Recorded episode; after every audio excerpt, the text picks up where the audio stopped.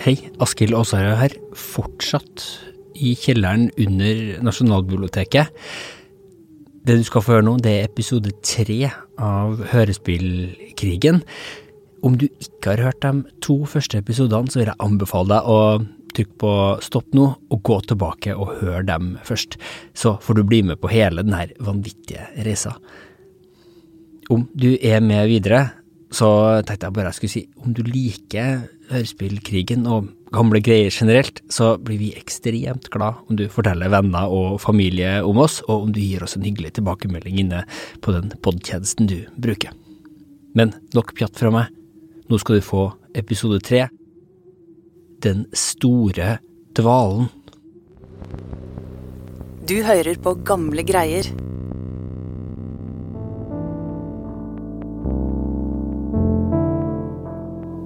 Ute på vidda et sted mellom Mo i Rana, eller rettere sagt husklynga Ildgruben, og svenskegrensa, så ligger det en forlatt, hjemmesnekra bæremeis av tre, pakka full med uvaska ull.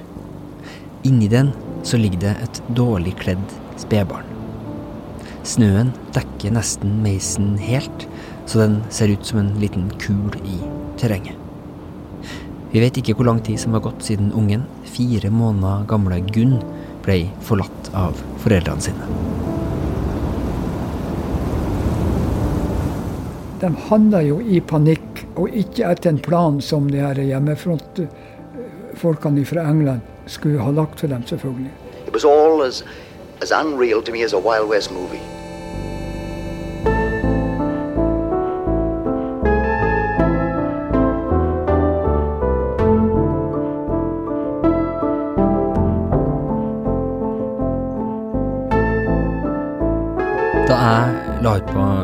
Leting etter sannheten bak hørespillet Norwegian Escape, så var min antakelse at Åkefen, du, husker han, Petit-skribenten, han med sløyfe og det runde, vemodige, måneansiktet og det lure uttrykket bak tjukkramma briller, at han hadde dikta opp sine amerikanske hørespillfortellinger fra ingenting, eller i alle fall smørt tjukt på i propagandakunstens øyemed. Også de allierte drev jo med manipulering av virkeligheten.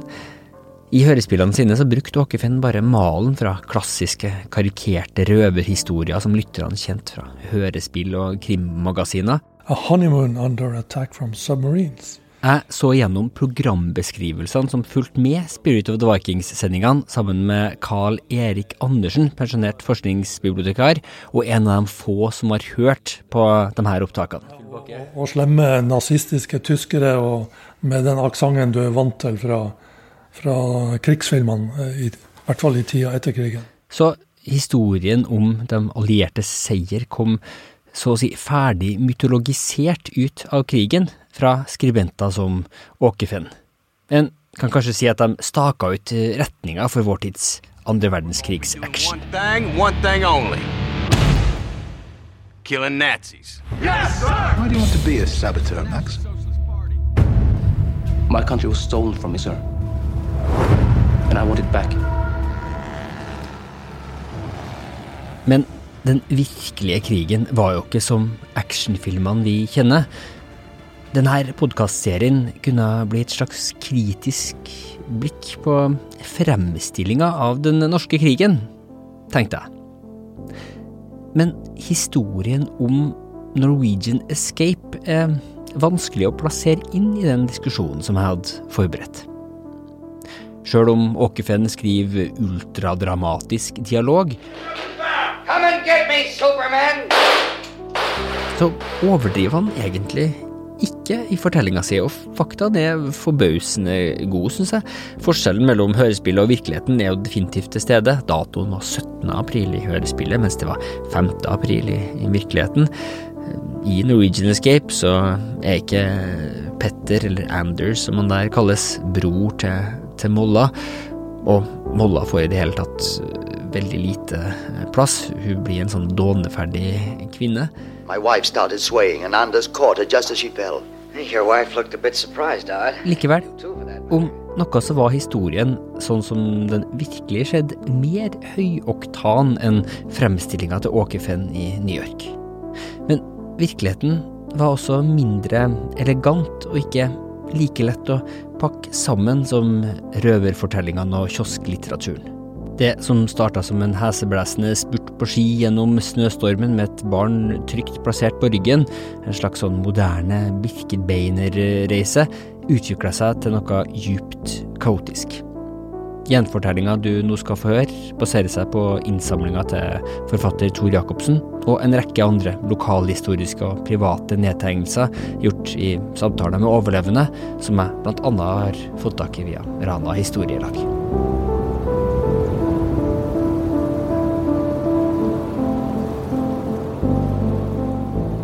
Etter at Molla og nordmann hadde satt fra seg bæremeisen med Gunn inni, kasta fra seg ski og staver og vandra på måfå ut i snøfokken, så kollapsa de sjøl og mista bevisstheten. Når en sovner i snøen, så våkner en som oftest ikke opp. Akkurat samtidig med flukta til den lille familien, så var det et annet ungt par som forsøkte å komme seg til Sverige i uværet, også dem fra traktene rundt Mo. De to frøys i hjel. Men av en eller annen grunn så gjorde ikke Molla og nordmann det. For Molla våkna igjen.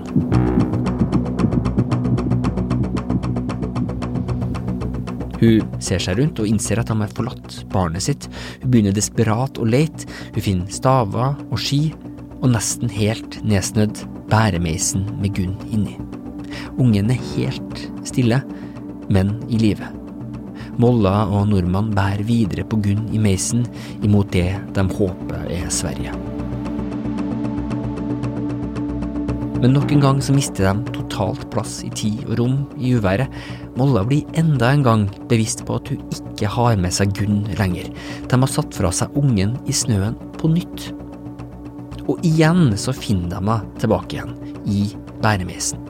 De begynner å hallusinere. De ser en lang rekke lastebiler som ligger på hodet. De kjenner kaffelukt fra ildgruben. Nordmannen leter febrilsk etter pistolen som man mener han har liggende i nattbordskuffa. I kaoset så får de med seg at de passerer en av grensesteinene til Sverige, men de klarer ikke å holde seg oppe i stormen. We dug ourselves into the snow and slept for a couple of hours. Her skiller hørespillet seg fra virkeligheten. De gravde seg ikke systematisk ned, de mer eller mindre bare kollapsa.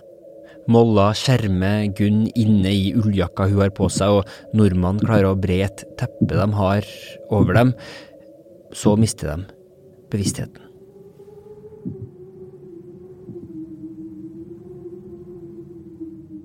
Mens alt dette skjer ute på fjellet, så strammer okkupasjonsmakta grepet på Mo. Etter at Petter Gruben ble drept, så fant tyske soldater ei lang liste med navn. Basert på denne lista over deltakere i dette skirennet, så ble om lag 40 ungdommer og unge voksne menn på Mo arrestert. Den yngste av dem var Aron Skaug. Han som hadde vært med å se hvor Petter Gruben hadde gjemt de to Krag Jørgensen-geværene på kraftstasjonen, geværene som han endte opp med å skyte de to tyske soldatene med. Søstera til Aron Skaug og, og, kjæresten hennes hadde vært på ildgruben den kvelden og rømt ut i skogen da tragedien skjedde. Sjøl så ble Aron Skaug henta hjem hos seg sjøl av Gestapo en kort stund etter hendelsen, fengsla og utsatt for et brutalt avhør i et rom hvor det sto oppstilte gevær langs veggene. Og, og selvfølgelig, det var nok en laug.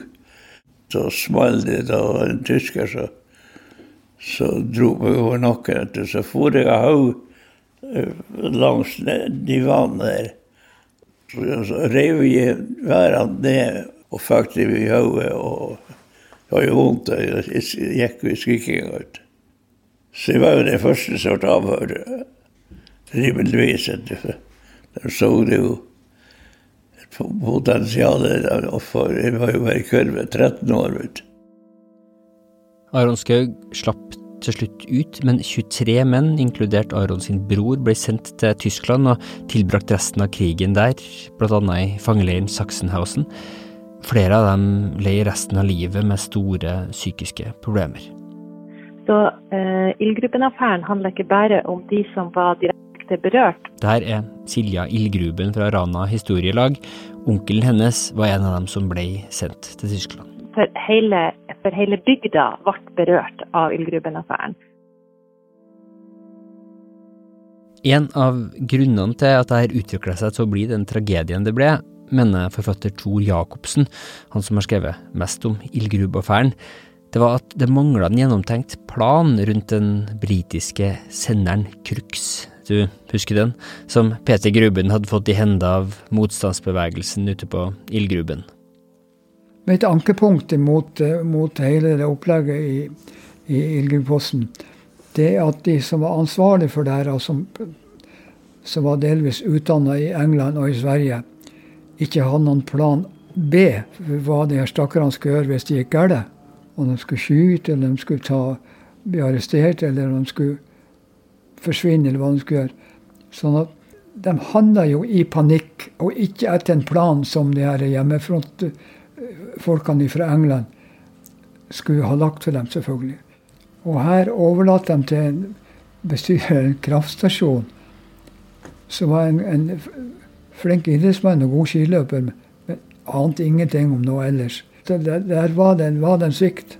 Der var det noe som var klikka. Men tross alt det her, så tror Jacobsen at det faktum at Petter Gruben ikke kom seg til Sverige sjøl, men altså da ble kolba i hjel i snøen utenfor huset i ildguben, det var med på å redde situasjonen. Mange har jo sagt i ettertid at det var kanskje det beste utgangen som skjedde, for har tyskerne ikke fått han, så har vel hele Halle Mo blitt arrestert. For han den gærne lensmannen, han hadde jo, han hadde jo planer om at han skulle Han hadde ei liste, han, han skulle arrestere halve byen.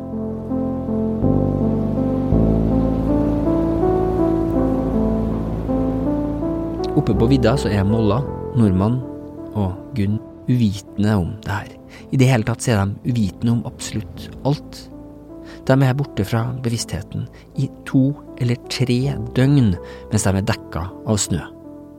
Så klarer de, utrolig nok, å våkne igjen. Stormen har løya.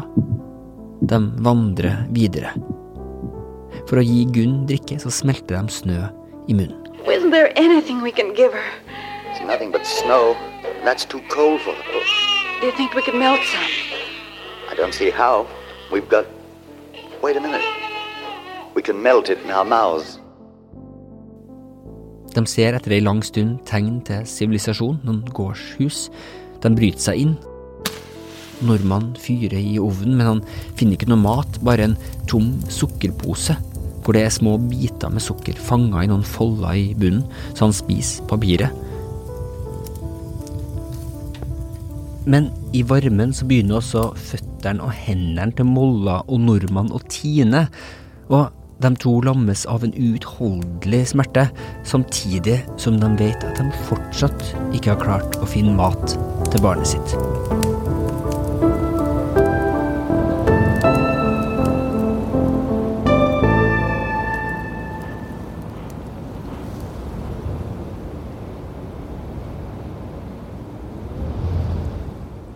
I neste og siste episode så får du slutten på fortellinga. Vi reiser tilbake til ildgruben hvor det hele starta. Så han har nok, eh, han har nok lie bakom i gran her en eller annen plass. Vi forsøker å finne ut hva som skjedde med Åke Fenn, mannen som gjorde alt det her til fiksjon. And that tiny room helmed heavily over me and nearly strangled me when I was alone with my terrible thoughts. Og vi jakter på jenta i bæremeisen.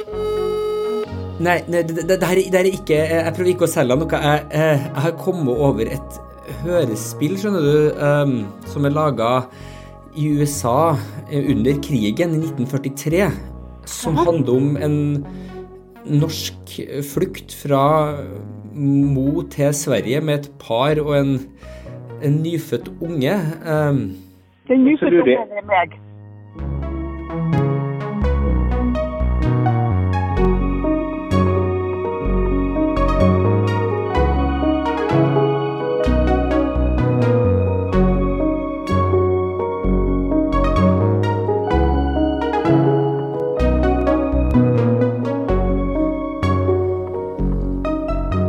Denne episoden ville ikke vært mulig uten Tor Jacobsens bok 5.4.1943, heter den. Tusen takk til dem som har snakka med meg og hjulpet meg med informasjon. Aron Skaug med familie, Silja Ildgruben fra Rana historielag og Carl Erik Andersen. Opptaket du hørte fra nåtidige andre verdenskrigsfilmer, det var henta fra Inglorious Bastards og Max Manus. Klippene fra Spirit of the Vikings er henta fra Kringkastingsarkivet på Nasjonalbiblioteket. Eh, de her opptakene ble først eh, ført over på bånd av eh, NRK, og så digitalisert av Nasjonalbiblioteket på 90-tallet. Informasjonen jeg og Karl Erik så på, fikk jeg stor hjelp til å finne fram til fra forskningsbibliotekar Birgit Stenseth. Musikken du hører i bakgrunnen nå, den er laga av Therese Aune. Om du, som meg, liker den godt, så finner du mer av hennes musikk på en strømmetjeneste nær deg, og du kan også gå inn på thereseaune.com. Ida Berntsen er redaktør for Gamle greier. Jeg heter Askild Matre Aasarød. Vi høres. And so until next week, when we shall have another interesting program for you, this is Gladys Petch saying adieu.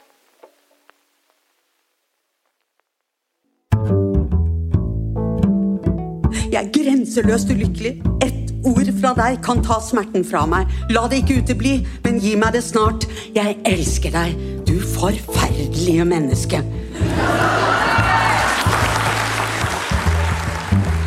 Podkasten NB Arrangement er en stor og stadig voksende samling av arrangementer vi har hatt på Nasjonalbiblioteket. Her skal du få noen smakebiter. Denne teorien om at alle sivilisasjoner må av historiske, naturmessige årsaker kollapse. Før eller siden. Kveldens brev fra arkivene er ikke skrevet i sinne, men i bekymring og sorg. Dypt personlige historier fra mennesker som kom før oss. Jeg ville så gjerne ha skrevet om stormannsgalskap og høyspent dyrkelse av det såkalte åndsmennesket, og også kunstneren med stor K, men det fikk jeg ikke plass til i kveld, og det er klart at det må bli et fremtidig foredrag. Det er viktig at vi ikke bare ser på dagen i dag ut fra gårsdagens erfaringer, men også ser på den i lys av morgendagens muligheter. Ingen er tjent med å rygge inn i fremtiden. Så jeg innførte fra første dag den regelen at alle møter begynner presis. Og så tok vi først sakene til dem som ikke var kommet. Og neste dag var dere alle sammen. Kanskje jeg til og med hadde vært litt sånn Ikke så ivrig på å henge noen under en orm som drypper eter etter agnelokket. Jeg vet ikke, kanskje. Det er jo gøy med sånne folk òg. Jeg har som livsmotto at den kvinne som har vært elsket, hatet og misunt, har levd et godt liv.